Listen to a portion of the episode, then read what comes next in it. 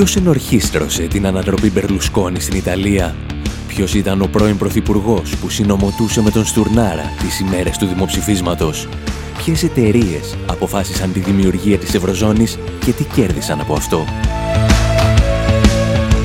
Οι δημιουργοί των ντοκιμαντέρ «Χρεοκρατία», «Καταστρόικα» και «Φασισμός ΑΕ» επιστρέφουν με μια νέα παραγωγή. This is not a coup. Δεν ήταν πραξικόπημα, είναι η Ευρωπαϊκή Ένωση. Μάθε πώς μπορείς να βοηθήσεις και εσύ την ολοκλήρωση του ντοκιμαντέρ στη διεύθυνση infowarproductions.com Η διεύθυνση infopavlawar.gr Η εκπομπή Infowar με τον Άρη Χατζηστεφάνου.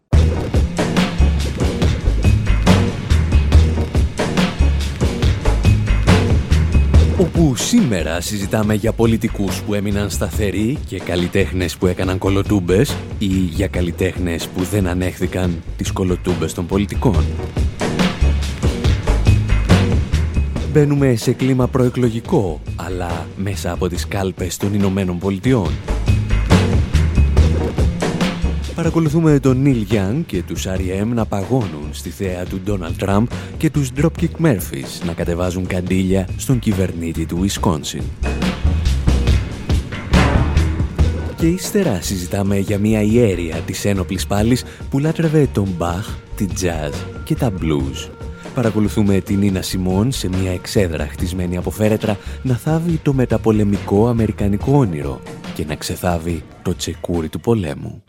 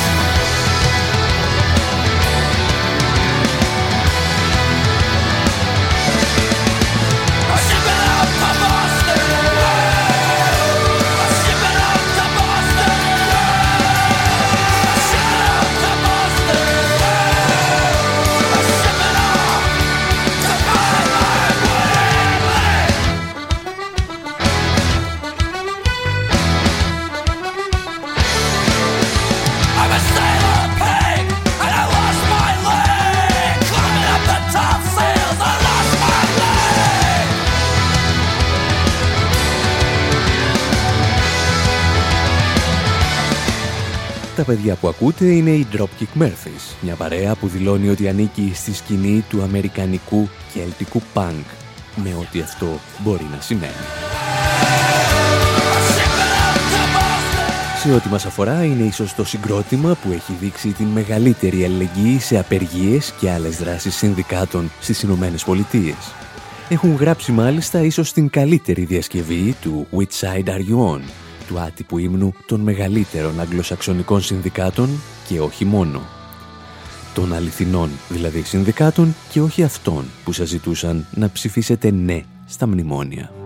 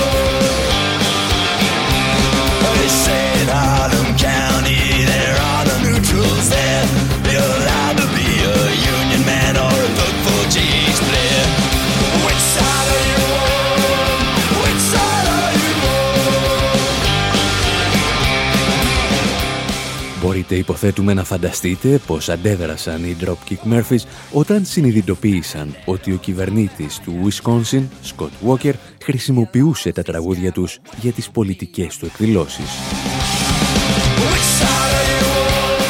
Ο Walker, αν δεν θυμάστε, είναι ο πιο σκληρός πολέμιος των εργασιακών δικαιωμάτων και κυρίως των συλλογικών συμβάσεων. Γεγονός που είχε οδηγήσει ακόμη και στην κατάληψη του Καπιτολίου από εργαζομένους. Οι Dropkick Murphys πάντως τελικά απάντησαν με ένα μήνυμα στο Twitter που έλεγε «Κυβερνήτη Walker, σε παρακαλούμε σταμάτα να χρησιμοποιείς τη μουσική μας. Ειλικρινά σε μισούμε. Με αγάπη, Dropkick Murphys». Αυτά συνέβαιναν τον Ιανουάριο, όταν κανένας δεν μπορούσε να προβλέψει ότι η αμερικανική πολιτική σκηνή θα μετατρεπόταν σε δελφινάριο με τον δισεκατομμυριούχο Ντόναλτ Τραμπ να διεκδικεί το χρήσμα των Ρεπουμπλικάνων για τις προεδρικές εκλογές. Είχε έρθει όμως η σειρά του Νίλ Γιάνγκ να ανησυχήσει.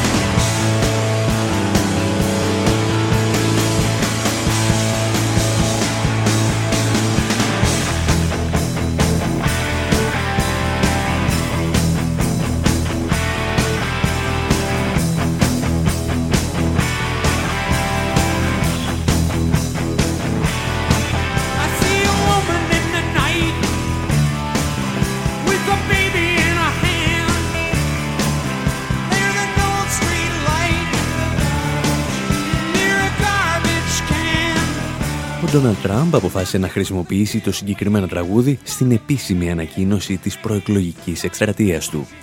Το γεγονός ότι το τραγούδι είναι γραμμένο για τους άστεγους, τους οποίους η πολιτική του Τραμπ αναμένεται να αυξήσει, τον άφηνε μάλλον παγερά διάφορα. Δεν συνέβαινε όμως το ίδιο και με τον Νίλ Γιάνγκ, το πρόβλημα του τελευταίου βέβαια ήταν ότι το 2006 είχε τραγουδήσει μαζί με τον Ντόναλτ Τραμπ και τον Σαλμάν Ρουσντί ένα τραγούδι εναντίον του George Bush.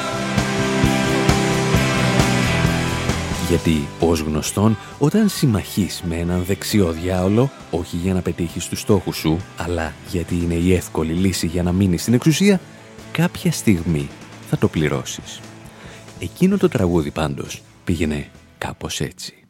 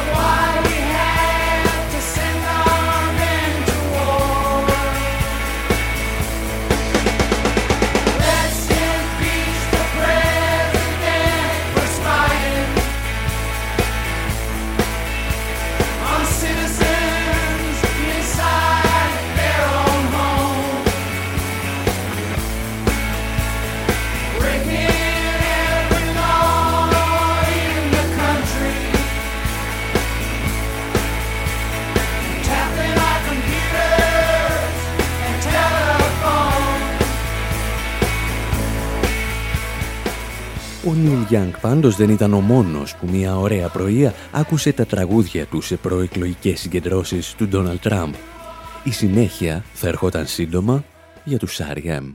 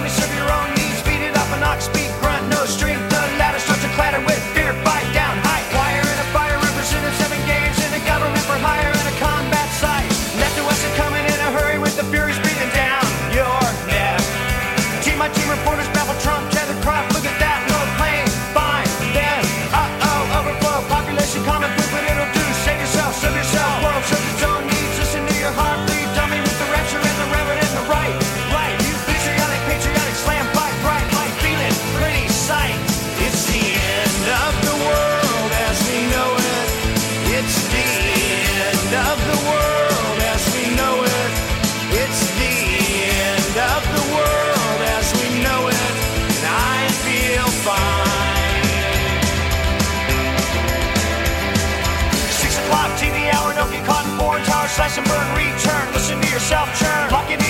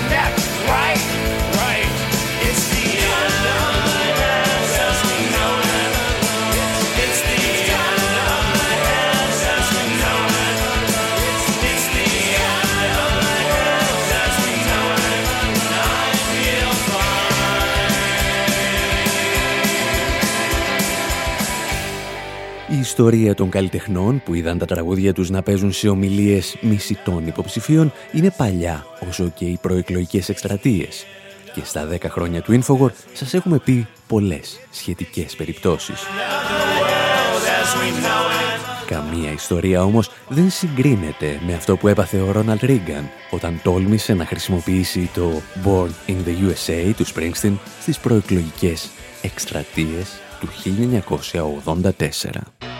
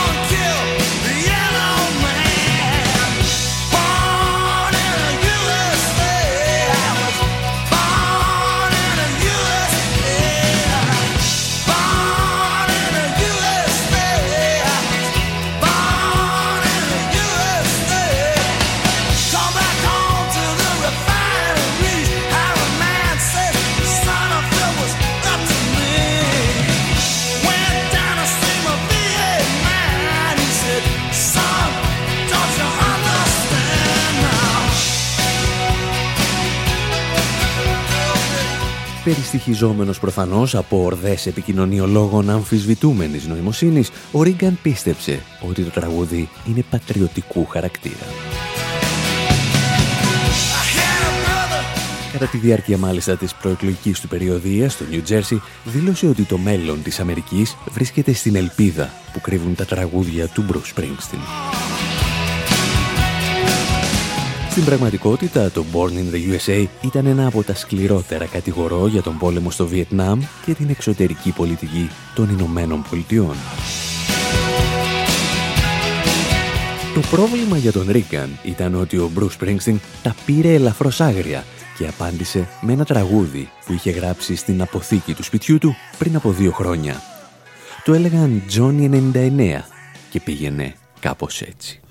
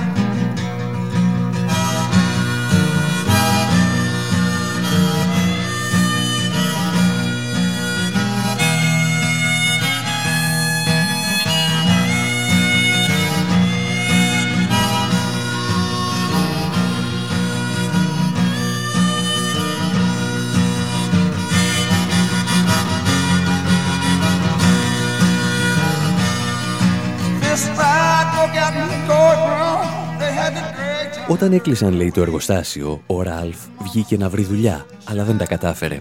Μια μέρα γύρισε μεθυσμένος, γιατί είχε ανακατέψει τανκερέι με κρασί.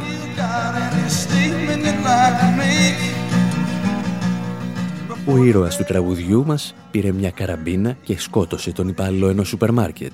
Τον καταδίκασαν σε 99 χρόνια κάθερξης και έκτοτε όλοι τον αποκαλούσαν Johnny 99.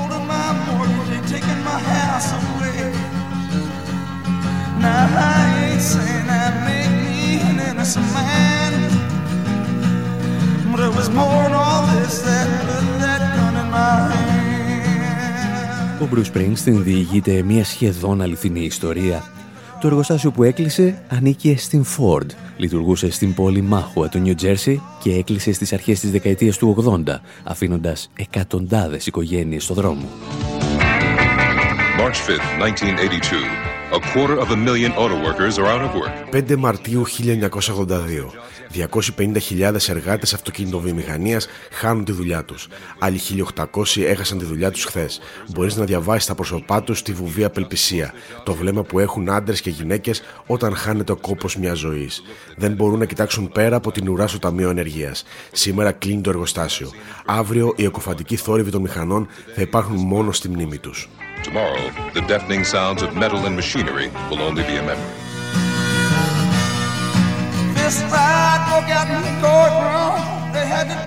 Ήταν το New Jersey στο οποίο είχε μεγαλώσει ο Bruce Springsteen. Ήταν το New Jersey στο οποίο ο Ronald Reagan ερχόταν να πανηγυρίσει το τέλος της αμερικανικής βιομηχανίας και την αρχή μιας φιλελεύθερης φούσκας που θα έσκαγε μερικές δεκαετίες αργότερα.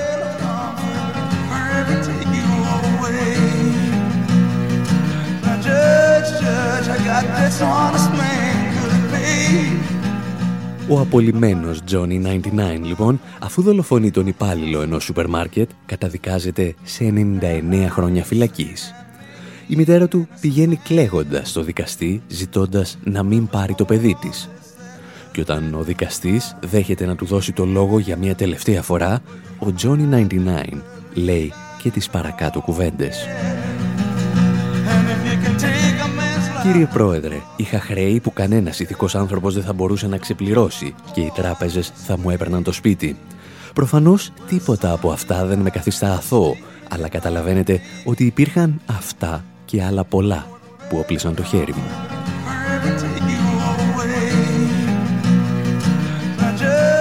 Και ο Johnny 99 ζητά από τον δικαστή να του μετατρέψει τα ισόβια σε θανατική ποινή, να του κουρέψουν το κεφάλι και να τον βάλουν στην ηλεκτρική καρέκλα. Και ήταν ίσως αυτός ο τελευταίος στίχος που έπεισε τον Τζόνι Κάς να πάρει το τραγούδι του Springsteen και να το παρουσιάσει στη δική του εκδοχή. Τον ακούμε και επιστρέφουμε.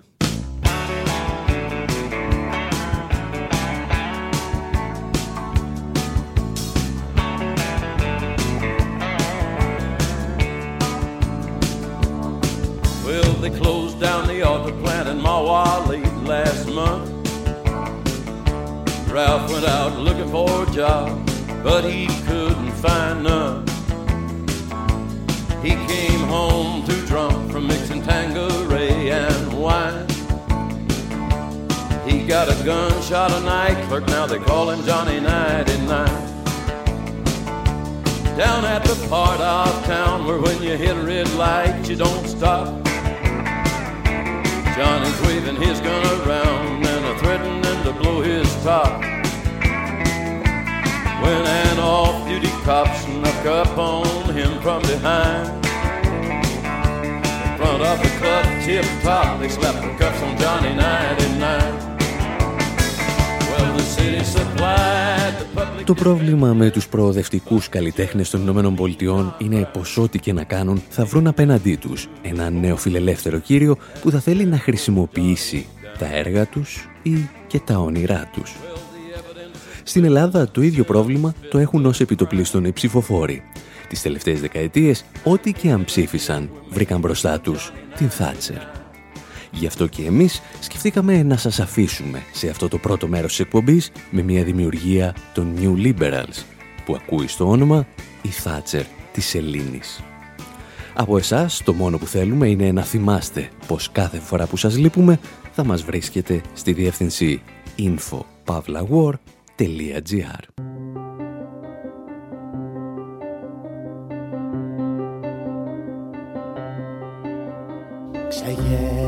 Ξεγέλασε στα φεστιβάλ με δυο κλεμμένα κόρτα. Πως η ανάπτυξη έρχεται με πολυεθνική. Κι όλα τα λόγια τζιμερών ήταν δικά σου λόγια και ήθελες μια μήκυο πιο παραχωγική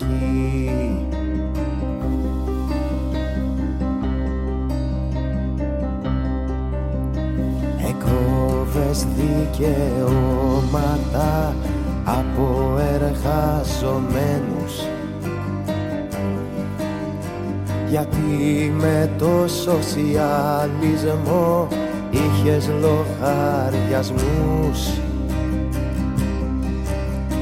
Τις διαλέξεις του TEDx. Τραβλίσες νικημένος. Του μνημονίου μαθητής τσιμπούκια στους θεσμούς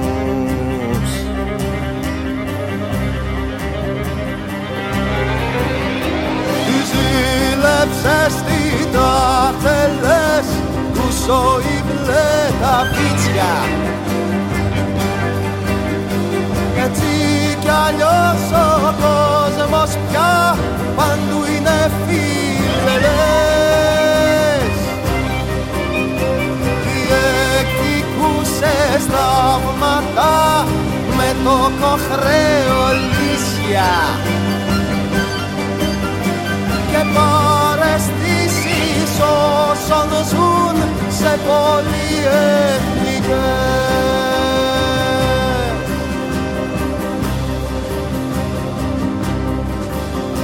και μια βραδιά που τύθηκες η Θάτσερ της Σελήνης. Αρχίσες επιδόματα εσύ να καταργείς νούμερο έλεγες χωρίς ευρώ τον πίνεις; Φέρε προαπαιτούμενα να αξιολογηθείς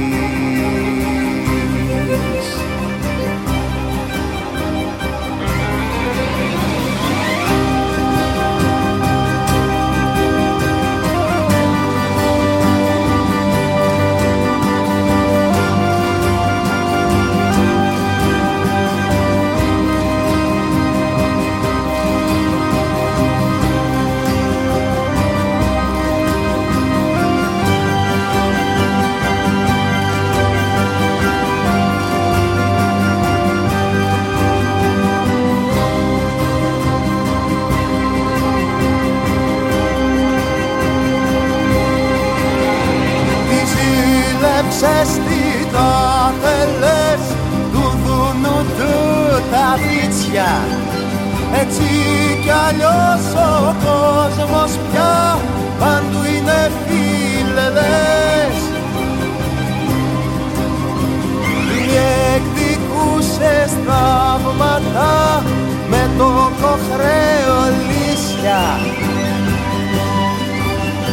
και παρεστήσεις όσων ζουν σε πολυεθνικές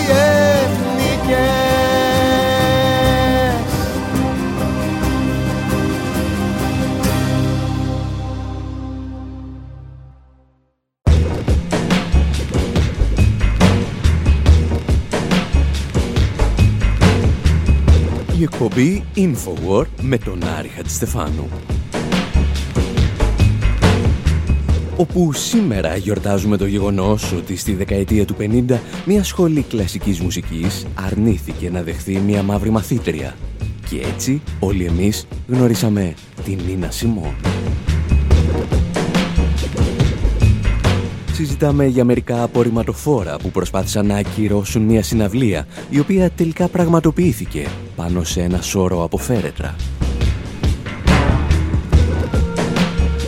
Διηγούμαστε ιστορίες από μια ιέρια της ένοπλης πάλης που δεν είχε καμία όρεξη να ακούει τις θεωρίες της μη βίας από ένα σύστημα που δολοφονούσε τα παιδιά της.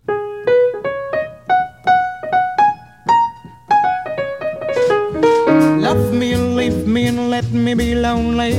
You won't believe me, but I love you only. I'd rather be lonely than happy with somebody else. You might find the nighttime the right time for kissing. Nighttime is my time for just reminiscing, regretting instead of forgetting with somebody else. There'll be no one unless that someone is you. I intend to be independently blue. I want your love, don't wanna borrow. Have it today to give back tomorrow. Your love is my love, there's no love for nobody else.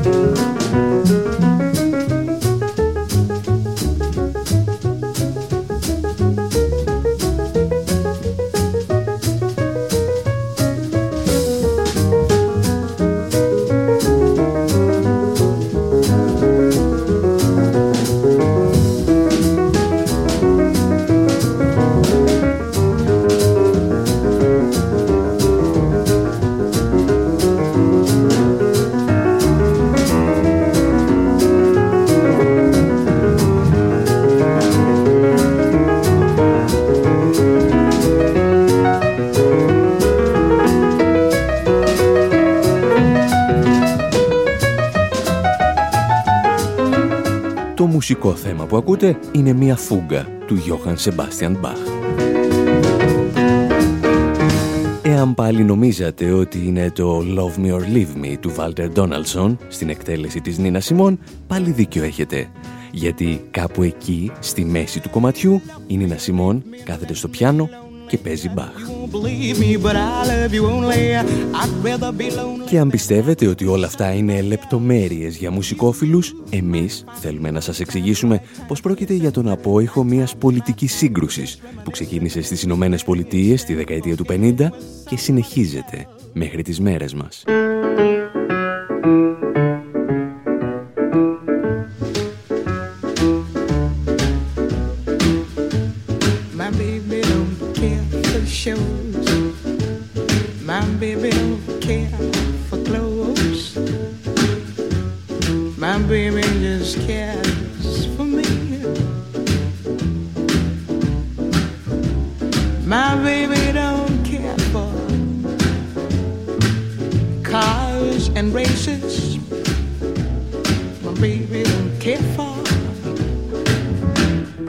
Σε περίπτωση που έχετε συνδέσει την Ίνα Σιμών μόνο με αυτό το τραγούδι και ακόμη περισσότερο αν το μόνο που σας θυμίζει το τραγούδι είναι ότι με αυτό κλείνει το λαλούνα στην Αντίπαρο, θα θέλατε ίσως να μάθετε ότι η Νίνα Σιμών ήταν μια πολιτική μηχανή έτοιμη να συγκρουστεί με κάθε εξουσία. My baby don't Και ίσως η στιγμή που το συνειδητοποίησε και η ίδια να ήταν στα 12 της χρόνια όταν έπαιζε στο πιάνο αυτό εδώ το κομμάτι.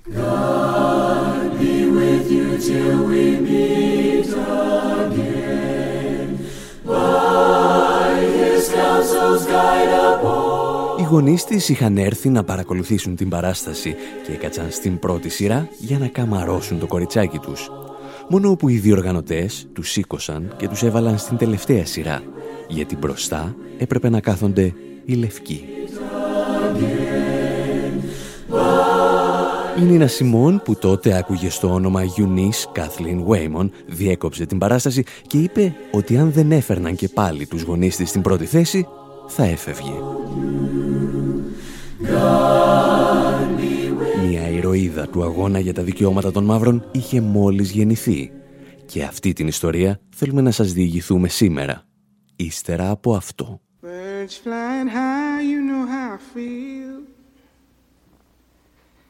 Sun in the sky, you know how I feel.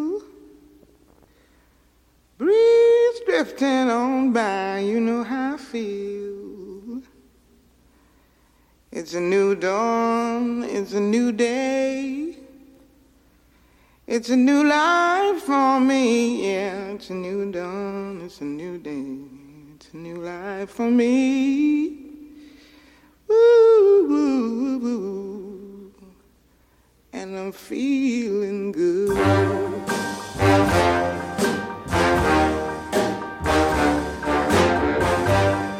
Fish in the sea, I feel. River running free, you know how I feel.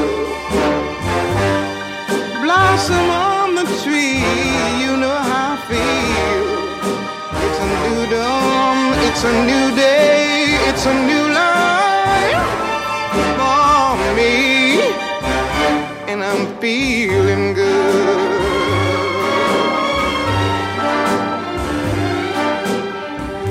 Dragonfly out in the sun, you know what I mean, don't you know? Butterflies all having fun, you know what I mean. Sleep in peace when day is done, that's what I mean.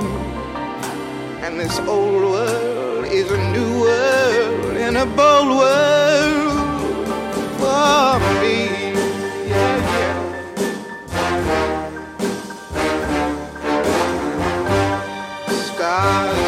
shine, you know how I feel. Scent of the pine, you know how I feel. Oh, freedom is mine, and I know how I feel. It's a new dawn, it's a new day, it's a new life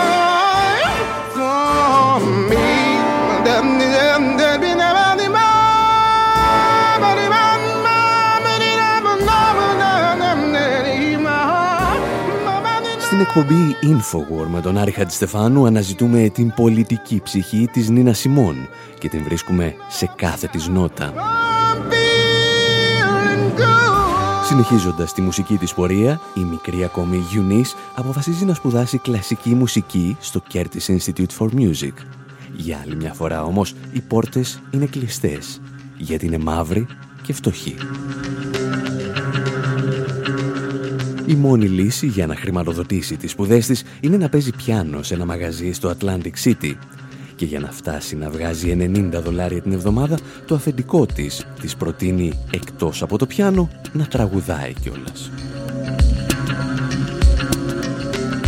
Ασχολείται πλέον με αυτό που η μητέρα της αποκαλούσε τη μουσική του διαβόλου, τη jazz και τα blues, μόνο που αυτή τους προσθέτει και στοιχεία κλασικής μουσικής. Για να μην την εντοπίσουν οι γονείς της, αποκτά το καλλιτεχνικό της όνομα.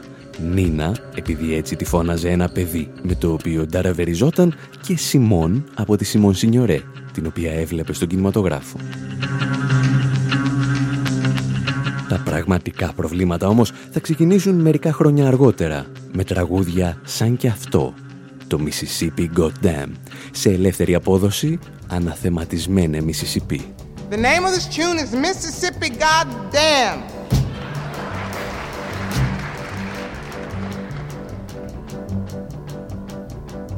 And I mean every word of it.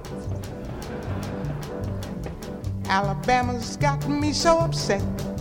Tennessee made me lose my rest. And everybody knows about Mississippi. Goddamn! Alabama's got me so upset. Tennessee made me lose my rest. And everybody knows about Mississippi. Goddamn! Can't you see it?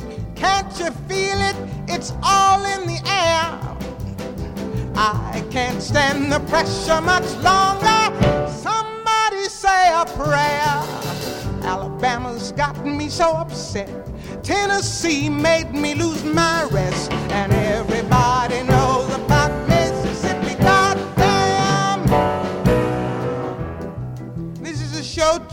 but the show hasn't been written for it yet.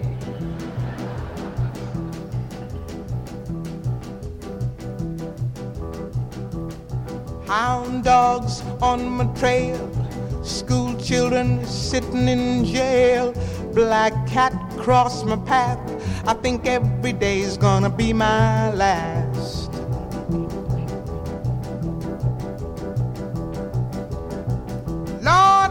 Mercy on this land of mine. We all gonna get it in due time. I don't belong here, I don't belong there. I've even stopped believing in prayer.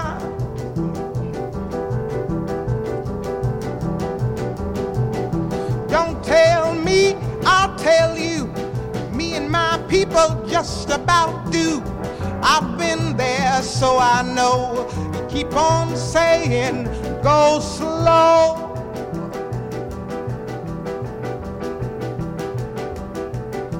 But that's just the trouble. Washing the windows, picking the cotton. You're just plain rotten.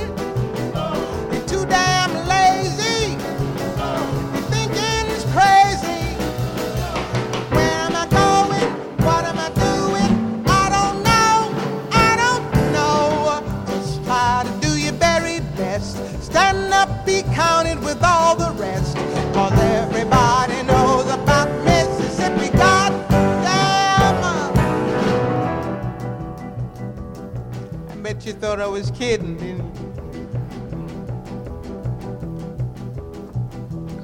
picket lines, school boycotts. They try to say it's a communist plot. All I want is equality for my sister, my brother, my people, and me. Η Νίνα Σιμών γράφει το συγκεκριμένο τραγούδι μετά τη βομβιστική επίθεση της Ku Klux Klan σε εκκλησία της Αλαμπάμα, όπου σκοτώνονται τέσσερα κοριτσάκια. I have a dream Έχω ένα όνειρο ότι μία ημέρα στους κόκκινους λόφους της Τζόρτζια οι γη των προεσκλάβων και οι γη των ιδιοκτητών τους θα μπορούν να καθίσουν μαζί στο τραπέζι της αδελφοσύνης.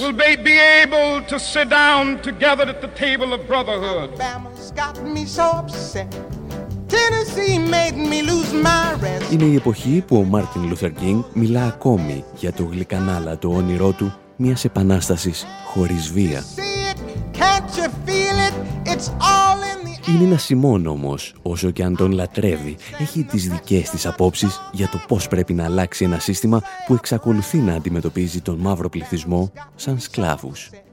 Η λύση που προτείνει είναι η ένοπλη πάλη εναντίον των λευκών καταπιεστών. Είναι η αναμενόμενη βίαιη απάντηση απέναντι σε ένα σύστημα που έχει αποδείξει ότι δεν δέχεται καμία άλλη μέθοδο συνδιαλλαγής εκτός από τη βία. Όπως έκανε δηλαδή και η Τζέννη των πειρατών του Μπέρτολ Μπρέχτ, εδώ με την συγκλονιστική ερμηνεία της Νίνα Σιμών.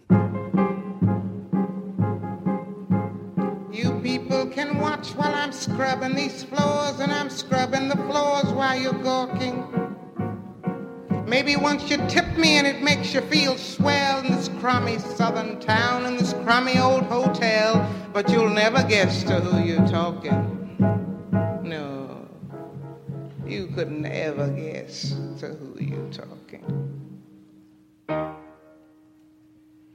Then one night there's a scream in the night, and you wonder who could that have been? You see me kind of grinning while I'm scrubbing, and you say, What she got to grin? I'll tell you. There's a ship,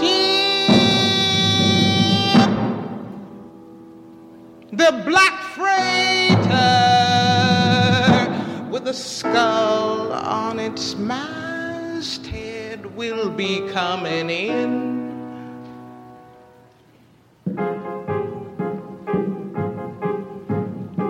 You gentlemen can say, hey gal, finish them floors, get upstairs. What's wrong with you? Earn your keep here. You toss me your tips and look out to the ships, but I'm counting your heads as I'm making the beds, cause there's nobody gonna sleep here tonight. Nobody's gonna sleep here, honey. Nobody. Nobody.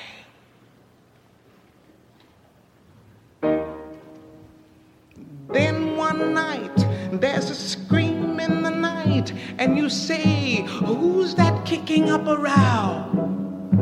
And you see me kind of staring out the window. And you say, What's she got to stare at now? I'll tell you, there's a ship. The black freighter. turns around in the harbor shooting guns from her bow.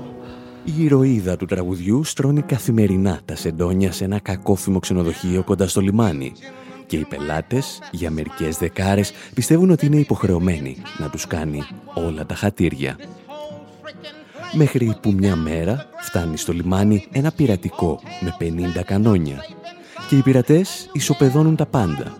Τα πάντα εκτός από εκείνο το κακόφημο ξενοδοχείο. Οι πειρατές έχουν έρθει για να σώσουν την Τζέννη και να κάνουν ό,τι του ζητήσει. Και αυτή του ζητά να μην αφήσουν κανέναν ζωντανό. You wonder who is that person that lives up there; And you see me stepping out in the morning looking nice with a ribbon in my hair. Πριν όμως η Τζέννη των πειρατών βάλει φωτιά σε ότι την καίει, σε ότι τη τρώει την ψυχή, έχει να υποστεί ακόμη πολλές ταπεινώσεις, να δώσει μάχες και να τις κερδίσει. Όπως μια ιστορία που διηγούνταν προημερών στο Democracy Now! ο στενός συνεργάτης της, Al Sackman. We were playing at the Village Gate in New York and uh, we flew down uh, with uh, Θα παίζαμε στο Village Gate της πολιτείας Νέας Υόρκης, οπότε πήραμε ένα αεροπλάνο για το Montgomery. Όταν φτάσαμε όμως, δεν μπορούσαμε να προσγειωθούμε. Ο κυβερνήτης τη Αλαμπάμα είχε στείλει απορριμματοφόρα και είχε γεμίσει τον αεροδιάδρομο για να μην μπορέσουμε να προσγειωθούμε. Τελικά καταλήξαμε στο Jackson του Μισισίπη, όπου νοικιάσαμε ένα μονοκινητήριο αεροσκάφος. Θυμάμαι ότι δεν μπορούσε να απογειωθεί από το βάρος, οπότε με έβαλα να κάθομαι στο πίσω κάθισμα με τον ενισχυτή για να μπορέσει να σηκωθεί η μύτη του αεροπλάνου. Όταν φτάσαμε στο χώρο της συναυλίας, αφού περάσαμε από την εθνοφρουρά, είδα μια μεγάλη πλατφόρμα. Σήκωσα μια κουρτίνα για να συνδέσω τον ενισχυτή και τότε συνειδητοποίησα ότι όλη η σκηνή στηριζόταν σε φέρετρα. Τα είχαν παραχωρήσει τα γραφεία τελετών των μαύρων του Μοντγκόμερι.